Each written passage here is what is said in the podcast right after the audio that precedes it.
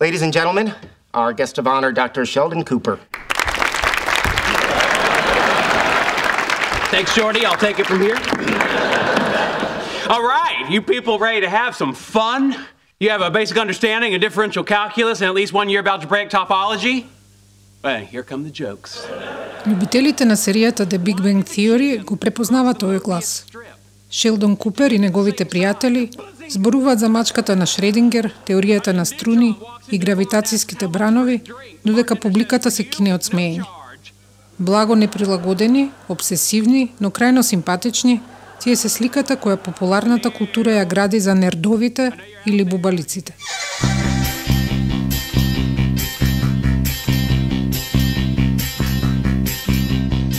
Јас сум Илина Јакимовска. Во оваа епизода од подкастот Обични луѓе ќе зборуваме за и со луѓе кои самите се опишуваат како нердови. Што подразбира овој термин и дали има соодветен превод на македонски? Дали нерд се раѓа или се создава? Кои се предностите, а кои маните на тоа да си бубалица? Останете со нас. Па генерално беше таа чудното, да кажам, беше љубовта кон математиката. А, од стварно од, од многу многу мала возраст бев заинтересиран. А, некако дедо ми почна да ми дава некои задачи, многу брзо ја научив азбуката, знаев да пишувам и да читам веќе на 4-5 годишна возраст, дури латиница научив и почна да ми дава некои задачи по математика и свативме дека, мислам, мајка ми разбра дека сум прилично добар во тоа и некако тој нрдовски, да кажам, еден а, мој карактер почна да да се вообличува во а, во математиката.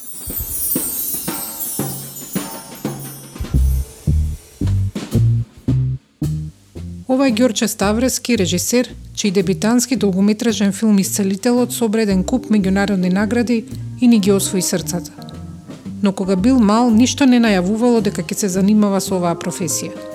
Неговите блиски мислеле дека ќе биде математичар. А она што тој го сфатил, иако тогаш не се викало така, е дека е нерд. И почнав да се такмичам во пето оделение. Освоив доста награди, имам и 13 универска награда за достигнување во математиката и во во физиката и а, и така на, на, на таков некаков начин едноставно а, сватив дека дека сум еве да кажеме во денешна смисла дека сум сум нрд. А, да, тогаш веројатно поинаку се се вика децата бев бубалица на пример, бев скрос одличен. Немам ни една четворка во во животот никогаш добиена. Мислам онака во на во книшка или пак во свидетелство сите ми се а, петки. И да, веројатно е добар добар термин, веројатно е бубалица. Меѓутоа тоа беше онака бев а, бледо едно едно детенце а, кое што беше обседнато со со тие некои си имав си ги имав тие логички обсесии, меѓутоа во, во, во, во прва мера тоа беше математика. Следејќи го својот талент, Ѓорче се запишува во Корчагин, гимназија која во тоа време се сметаше за јака во математика. Но нешто ја насочило приказната на друга страна. Може би најдобриот професор на а, во Корчагин во тој момент беше професорот Сидо а, Сидовски Стефан по филозофија и он некако не буквално ни го зема паметот што се вика не не направи многу помалку математичар, а многу повеќе се друго. Почна да ми шета мене паметот по многу други работи, едноставно со, со, со него и со размислувањата, не знам, за, за животот, за филозофијата, за почнав да сакам да пишувам, некако многу интересно. Читав многу, така што ми го зема фокусот, да кажам, од, од математика. Приказната на Ѓорче покажува колку за еден нерд се важни поддршката и околностите. Талентот за една работа може да се пренасочи кон интерес за друга – а ентузијазмот во отсутство на добар ментор може и целосно да згасне. Дефинитивно а, мора да има менторство во во малте на било која област во која што човек се бави. И можам да кажам дека на пример јас тоа што се запишав на на драмски после некои си две години студирање на електробев на компјутерска технологија, а, и бев многу добар, мислам стварно 10 каш сум, онака се беше некако совршено, меѓутоа едноставно пукнав. Не можев да да се да се бавам веќе со тоа што се бавев затоа што немав јасна насока, немав некој да ме да ме води, едноставно да ми покаже а, зошто токму тоа треба да го правам. Ми го снема идеализмот некако ми исчезна под под нозе што се вика и затоа се запишав на драмски а, сакав да видам сакав да, да едноставно ме интересираше и тој дел од од човечката култура. И таму, на пример, таму го запознав мојот професор по историја и теорија на филм, кој што суштински ми стана некаков ментор, професорот Владимир Блажевски, кој цело време низ годиниве ме ме враќаше назад, едноставно ми викаше Ѓорче фокусирај се, а, многу ти бега паметот, едноставно мораш да дадеш се од себе и да профункционираш како како режисер, затоа што имам таков еден немирен дух. А, а особено што одлучив да се бавам со работа која што не е типично, да кажам, нердовска. Мада има во режијата, има многу едноставно во правењето на, на филм има толку многу компликации. Таков еден а, чуден и а, да речам еден има има големи предизвици за еден човек кој што на пример се бавел со а, со некаква а, интелектуална работа како математиката половина од неговиот живот, значи некако како да се пренесе тој еден а, интелектуален предизвик а, и во во начинот на кој размислувам и за филм.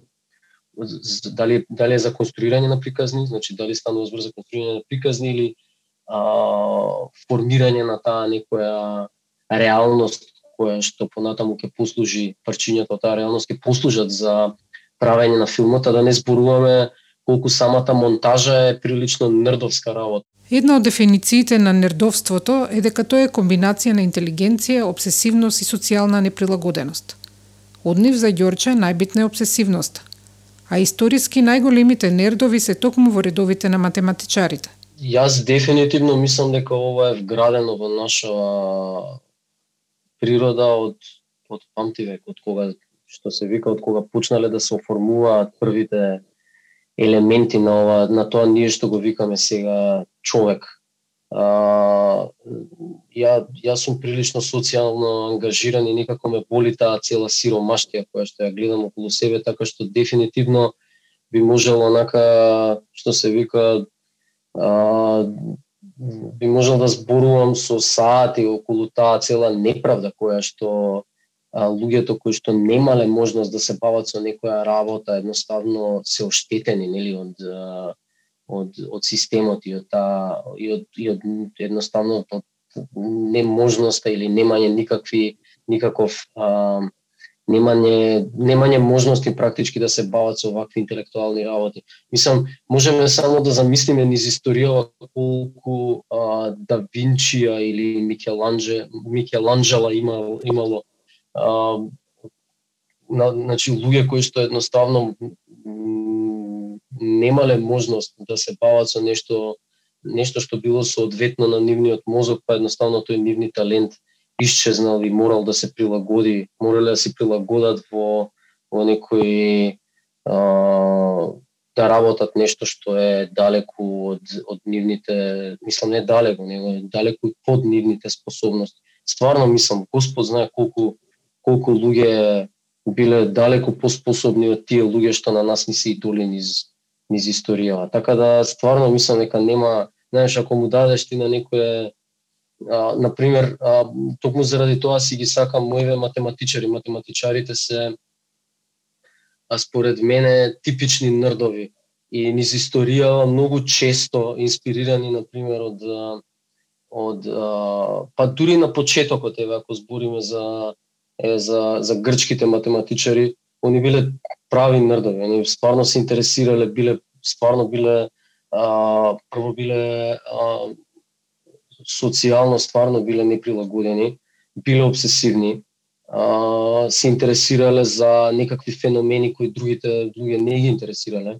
А, Питагора, на пример, имал дури во денешна смисла имал некаков култ или секта, а, ги прибирал талентираните математичари околу него. Мислам во тоа во тој момент тоа било малтене све под капата на филозофија, меѓутоа сакам да кажам а, математиката е така една дејност која што е прилично прилично нердовска и била и самата математика била резервирана и тогаш и и во да кажам и овие последниве 4 века на на голем големиот бум на, на, на наукава и технологија, било математиката била резервирана секогаш за побогатиот слој. А, за луѓе кои што како што кажат и имале време повеќе да се да се бават со со некои не само што имале време, него имали можности, нели тоа е првенствено со такви интелектуални работи. На пример, един интересен е примерот на Ферма, францускиот легендарен математичар кој што бил а, судија и во тоа време а, судиите а, едноставно значи самиот француски систем им забранувал да имаат многу пријатели да се дружат со многу луѓе а, заради тоа заради потенцијалниот конфликт на интереси кој што може би би го имале во некое дадено дадено градче на пример.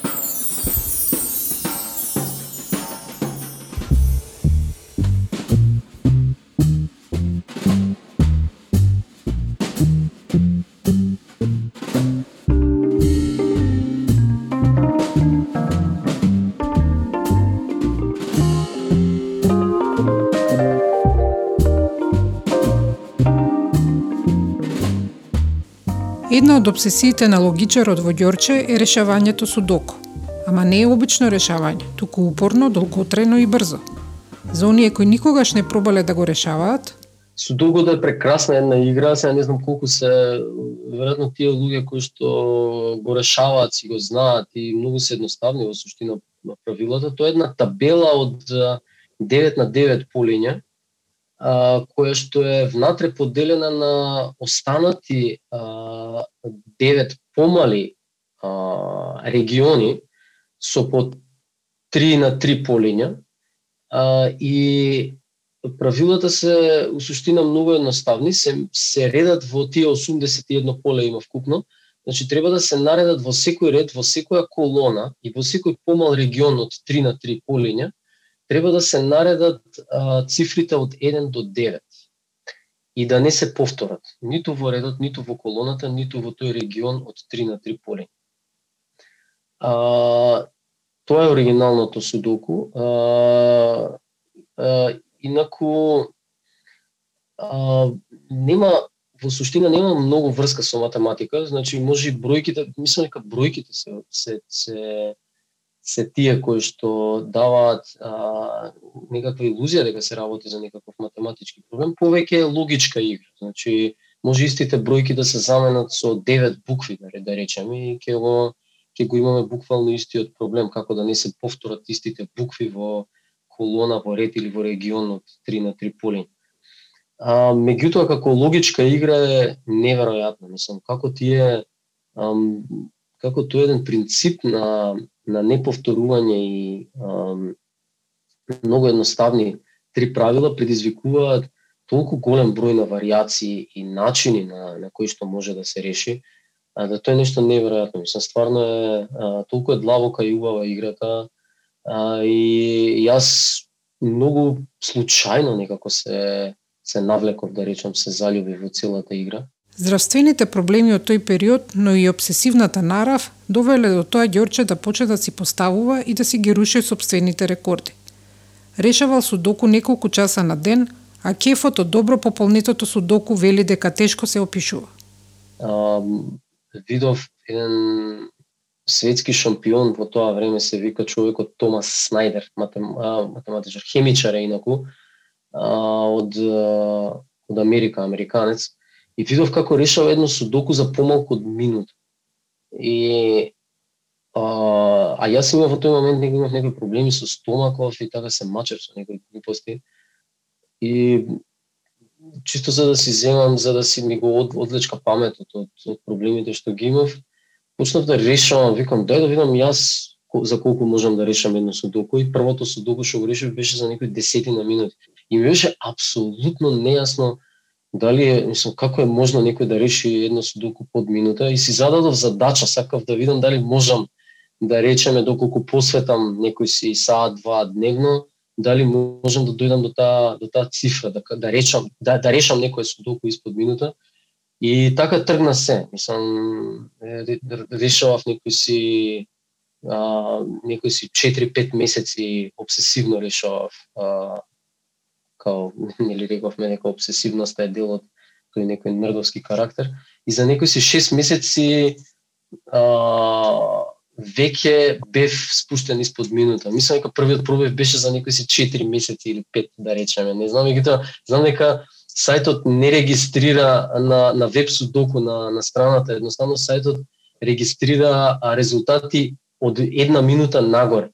И ја уствари тогаш не го знаев тоа, јас мислев дека кога ќе решам на пример за 54 секунди некое судоку, мислев дека ќе ми пише а, чиститки го решивте судокото за 54 секунди, меѓутоа ми се јави ми излезе некој проблем, ми пиша, се јави некој проблем а, со вашиот резултат. Ми излезе и си викам, а од прилика знам дека бев негде близко околу минута.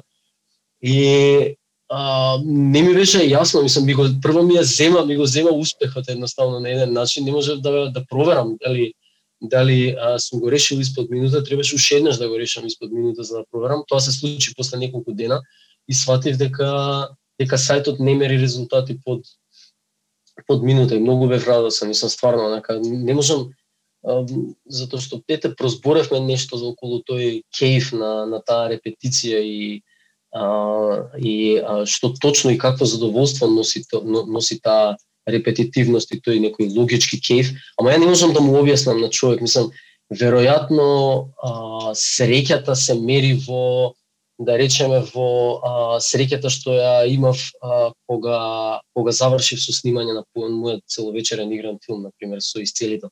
До толку бев среќен, мислам стварно не ми се веруваше дека го решив тоа судокот испод минута. Мислам сега често одам испод минута, мислам решавам а, можам да решам судоку испод минута. Сум решил судоку за 39 секунди, за 36 на пример имам а, едното мислам дека го снимив тоа за 39 секунди Така да, во некоја смисла, то, тоа е неверојатен кейф. Мислам, стварно е, стварно е зачудувачки колкав, колку, колку ме, ме, ме а, ми е, колкаво задоволство ми носи.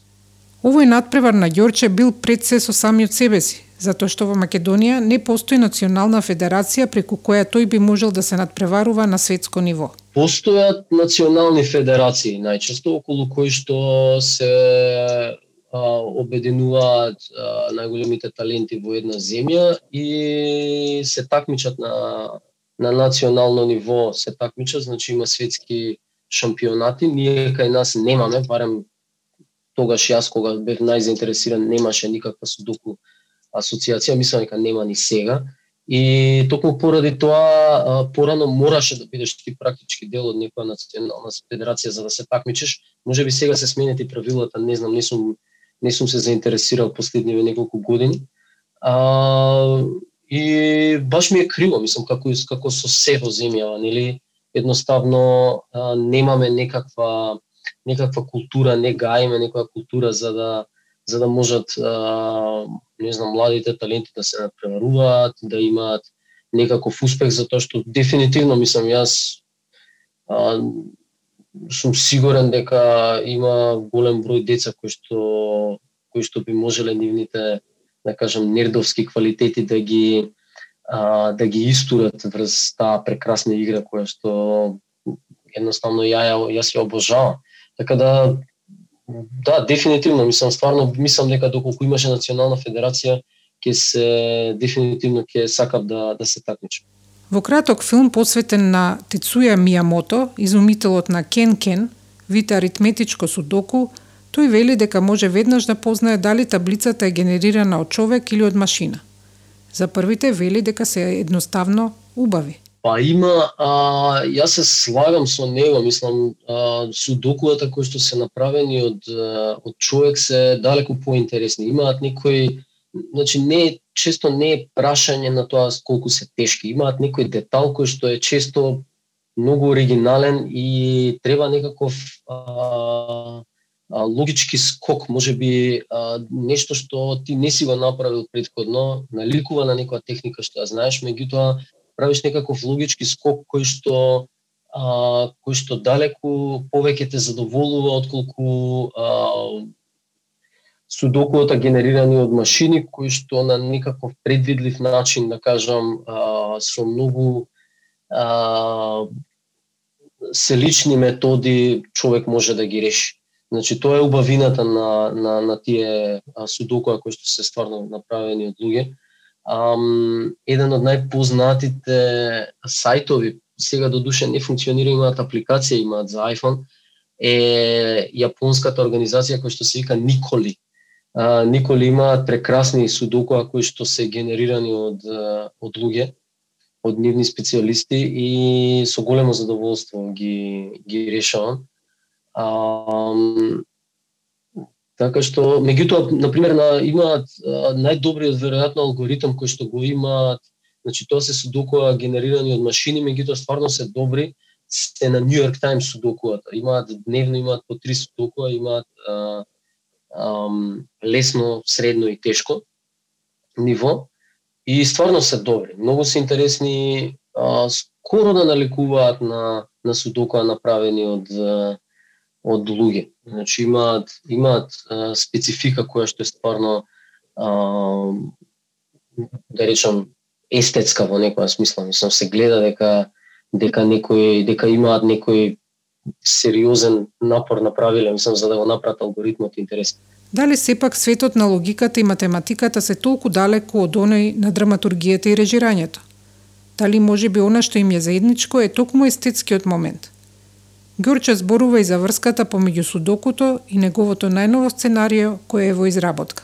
Тоа задоволство кое ќе се спојат сите елементи во едно уметничко дело, е да зборувам за филмот, кога во еден момент ти ќе видиш веројатно за тоа од сите уметности највеќе си го сакам тој тој тој си го сакам филмот. Затоа што во еден момент стварно делува како загадка филмот. А, од сите тие елементи кои што ги има во во еден во еден филм кога ќе се спои целото тоа, а, човек добива едно естетско задоволство како кога решава едно судоку. И токму поради тоа тие мои логички обсесии некако рефлектираат и а, и ми даваат некои а, едноставно може би повеќе метафорички, меѓутоа ме подсеќаат а, некои работи од тие мои логички обсесии ме подсеќаат на на филмот и обратно како да гледам некоја драматургија во решавањето на на судоку. На пример тоа што ти го спомнав тој XY а, ланец е техника, една напредна техника на решавање во судоку, а, во која што има а, а, а, има кели, значи има полиња кои што имаат само две вредности, значи може да имаат само две вредности, и тие се поврзани како некаков ланец. Например, да замислиме дека една келија има а, има опција да биде само два или три, а друга келија може да биде три или пет, и трета келија може да биде, например, а, пет или седум. А, само по наедно, ако се гледаат меѓу себе, значи ако имаат некаков визуелен, едноставно ако се во ист а, едната ако е првата ако е во иста ред со втората, втората ако е во иста колона со третата, а по само та, такво едно логичко дедуктивно расудување, значи размислување, ако ние одлучиме дека, ако замислиме дека едната е, например, а, доколку е првата келија е а, тројка, значи ако не е двојка, доколку е тројка, а тогаш втората келија која што може да биде 3 или 5, веќе не може да биде тројка затоа што првата е тројка. Значи таа втората келија мора да биде пет. А таа третата келија која што е врзана со нив две преку втората келија во некоја колона на пример, која што може да биде пет или седум, таа веќе не може да биде пет, затоа што втората е пет и таа мора, мора да биде седум. Така да имаме еден ланец практички. Значи возможен ланец. Значи со други зборови ние кажуваме дека доколку а, келијата првата келија доколку е 3, тогаш со сигурност можеме да кажеме дека таа третата келија е 7. Значи не би можела нели да биде 5, значи она мора да е 7. а тој ланец некогаш завршува назад на првата келија. Значи некогаш може да заврши назад на првата келија и буквално да докаже дека доколку првата келија е 3, таа не може да биде 3. Значи, доколку почне човек со некоја тројка на почеток, тој ланец може повторно да донесе до таа прва келија и да ни покаже дека таа не би можела никако да биде три. Затоа што на крај ќе заврши со некоја што едноставно ќе заврши со некоја цифра на крај која што ќе биде исто тројка, значи доколку почне човек со 3, едноставно ќе заврши со 3, тоа не е возможно.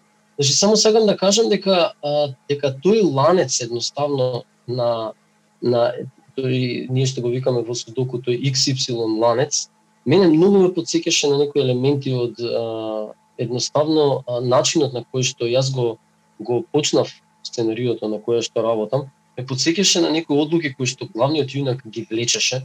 Значи он едноставно има една одлука на почетокот и а, за која што е убеден дека треба да ја направи. Значи тоа е некаква одлука да кажеме која што е со бројче 3. И некој му вика или да речеме неговата одлука е со број 2, меѓутоа некој му вика слушај. А, е Ѓорче, слушај Ѓорче, зошто не пробаш затоа што можеш да имаш друга одлука дека во овој момент. Зошто да не пробаш ти еве со одлука со број 3 на пример? Твојата одлука е ова смели хипотетички метафорички кажам. Другата одлука е не пробаш ти со број 3 да видиш што ќе се случи. И он иде на, на еден пат, он вика добро, окей, нема да идам со одлуката број 2, ќе одам со одлуката број 3. Значи ќе го направам, ќе направам нешто сосема друго. И оди со одлуката број 3 и животот него го, го, го, го носи на низа од настани и на крај он повторно доаѓа до заклучокот до заклучокот дека три не, не е возможна опција. Значи се враќа назад на својата стара одлука дека повторно треба да биде два. Значи сакам само да ти уяснам дека во во, во моја глава тоа е некако многу многу ми е мислам едноставно веројатно и едната и другата работа сум ги правел дугачко време и ми се некакви обсесии и буквално како да се споија, мислам се спојуваат такви некои а, рефлексии од едната дејност во другата ја Кефот од решавањето крстозбор, анаграми, осмосмерки, исто како и на решавањето математички задачи, има уште една би ја нарекле филозофска димензија. Доказот е за секој. И мене тој таа таа формална една цврстина, една на математиката и на еве и на судокуто на пример, мене ме фасцинира. Значи ти кога ќе човек кога ќе го реши тоа судоку,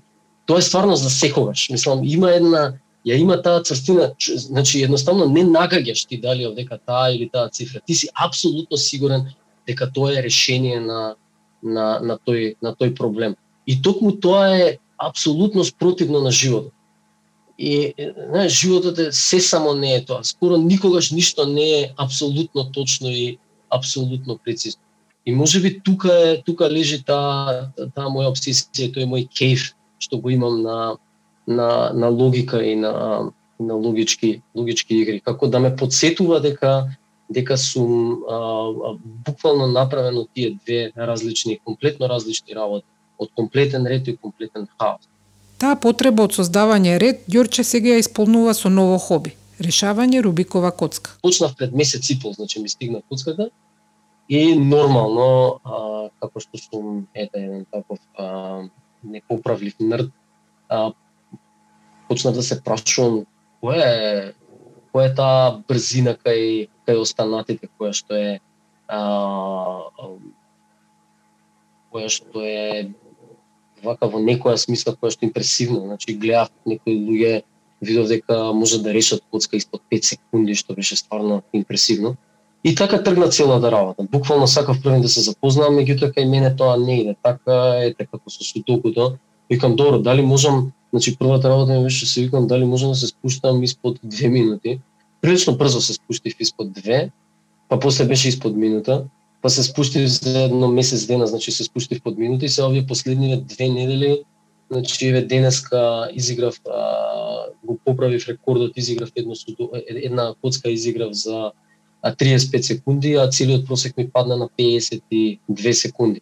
А, значи, повторно влагам во некоја компетитивност, особено со самиот себе, сакам да видам до кај ми е тој мој лимит, а, дали може човек побрзо тој свој лимит да изигра, колку е Затоа што често пати луѓето и тоа е исто една една прилично нрдовска карактеристика. Мислам дека често пати луѓето а, значи нрдовите како да веруваат дека тој навидум некој нивни лимит кој што би требало хипотетички да е на една граница нрдовите, мислам дека секогаш веруваат дека може уште подобро, дека може уште пониско или уште повисоко да биде тој тој резултат да биде. Мислам, стварно тоа е нешто неверојатно колку таа компетитивност, особено со самите себе, е битна и, и, и, и, и потребна во таа, во таа обсесивност.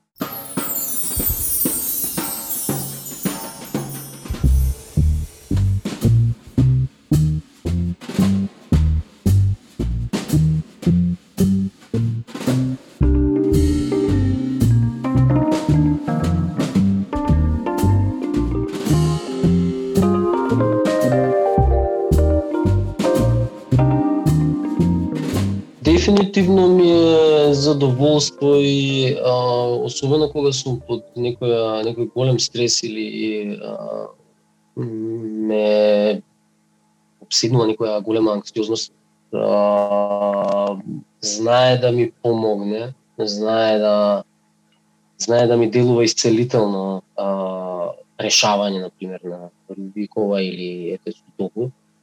А, Така што, мислам, тоа е само едноставно прашање, јас си го засек, мислам, си го засакав, почнав да си го почитувам тој мој карактер. Мајка ми беше многу уплашена низ мојот низ мојот живот за сите тие мои обсесии.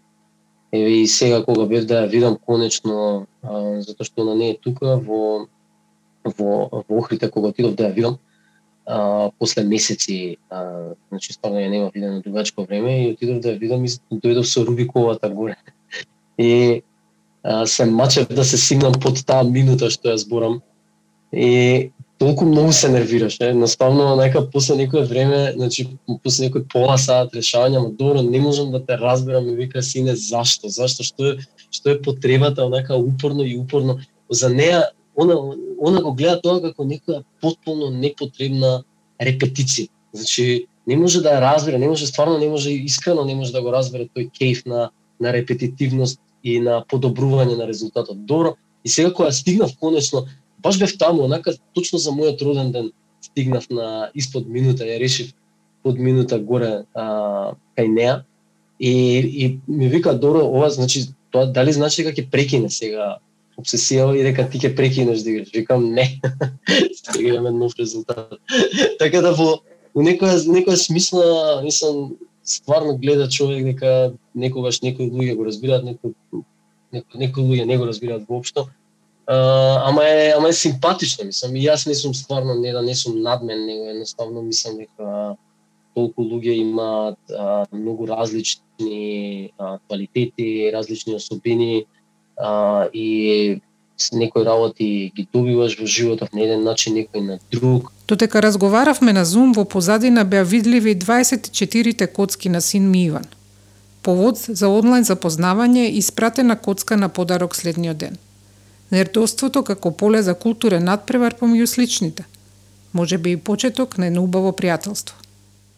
Супер, супер. А ги знаеш, сите ги знаеш овие, ги знаеш од а, 57-те алгоритми, ги знаеш на, е, на ОЛЛ? Уште ги учиш, а? Аха. А, знам едно 25, тај да речеме, ама половинка не знам. А, добро, добро. Не, ја не ги знам. Ја знам она како се вика for look OLL и, и PLL, што се знаеш, она ага, на, ага. на два пати на два пати да ги видиш, до таму сум бе. Ага. Добро, Иван, баш ми е драго, ете што те запознавам. А, многу си брз. Секоја чест, секоја чест, звер. Бро. Јас сега се спуштам под минута на 50 и 52 секунди ми е просек сега. Со вежбање? После Да, па еве го, да. да. Па што да му речем? Да, да, да. Не, па така е, така е, нема друга, стварно нема друга чар. Znamojte spori ludi, ako mi se sudi, ako dobijem pomucka, ako reče ti prevusta, su čorap je zadat, zalepac su traga, zemi glej me v oči, nekoj znake pratan, ako puštam solda, bol kada je jaka, ako ti namignam, neka mi se pada, premolčeni prisrci i grafitski refreni, za spizdeni mažik. una cuccia di na kurcze niżeni, na kurcze niżeni, na kurcze niżeni. Piperusta, piperusta.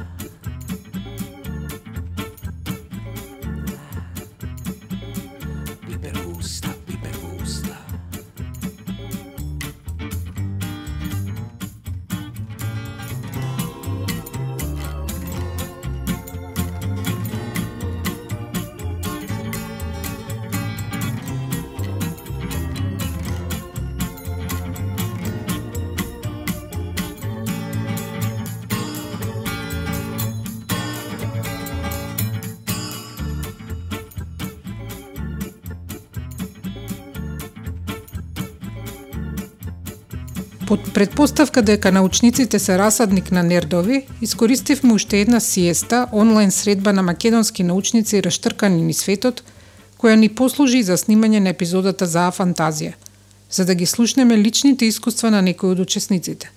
А ти има и што да кажат. Прв е Никола. Читам наопачки, значи едно време многу читав наопачки.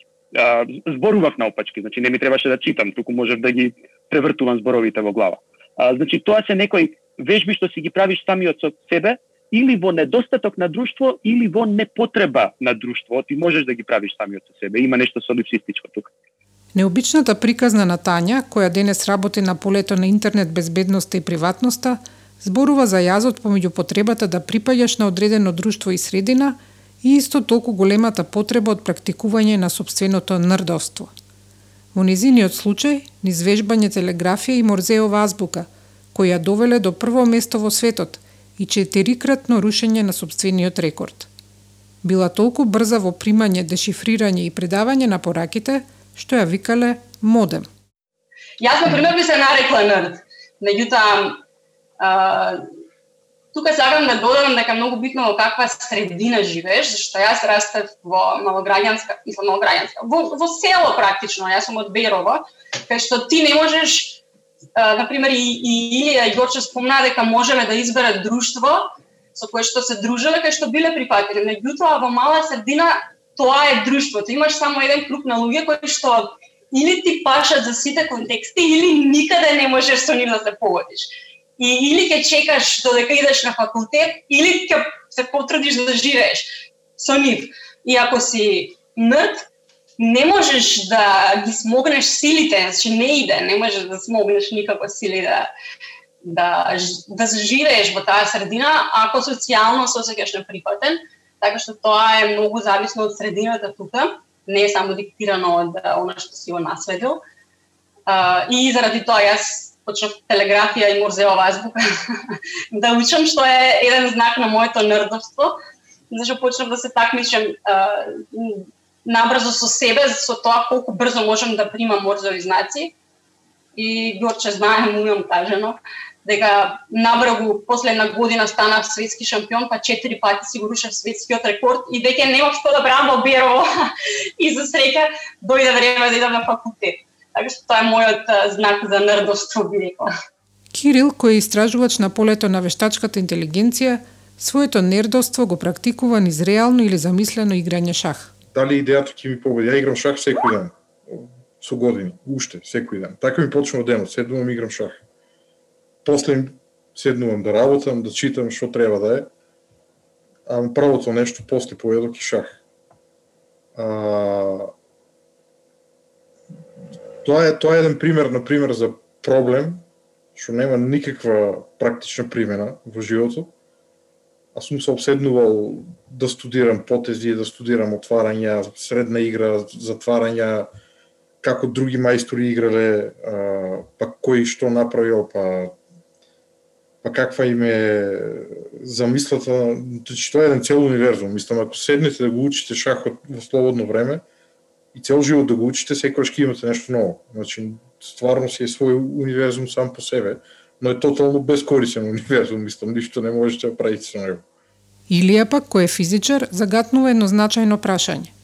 Зошто нердовите често се диагностицирани како лица со некакво нарушување од аутистичниот спектар и зошто нивната обседнатост не се толкува како упорност или трудолюбивост, туку како проблем?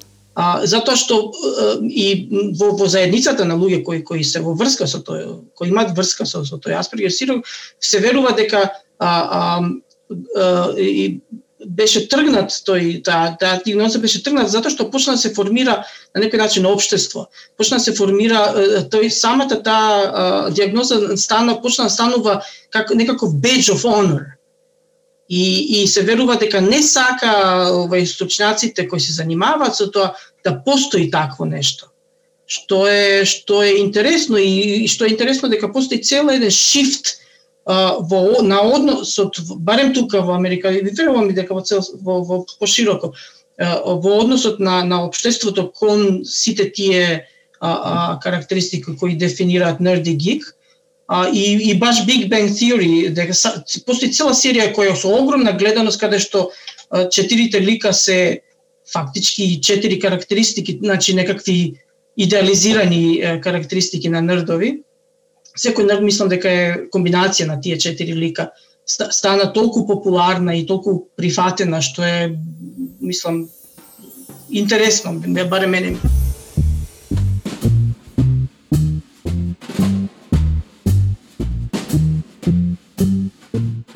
Во оваа епизода од подкастот Обични луѓе се обидовме да го истражиме терминот нрд врз основа на лични искуства на неколку мина соговорници. Лично не ме бива за решавање судоку, за играње шах или за читање на назад. Им ги препуштам нердовските работи на оние кои се подобри во нив. Но едно можам да посветочам.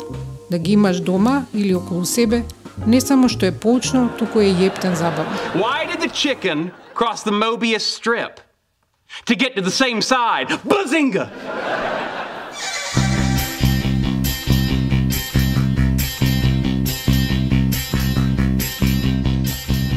Јас сум Илина Јакимовска. Аудиомонтажа Бојан Угриновски. Транскрипција на аудиоматеријалите Ана Шталковска-Гајтановска. За целосен транскрипт и фотографии посетете го нашиот сајт обичнилуѓе.мк.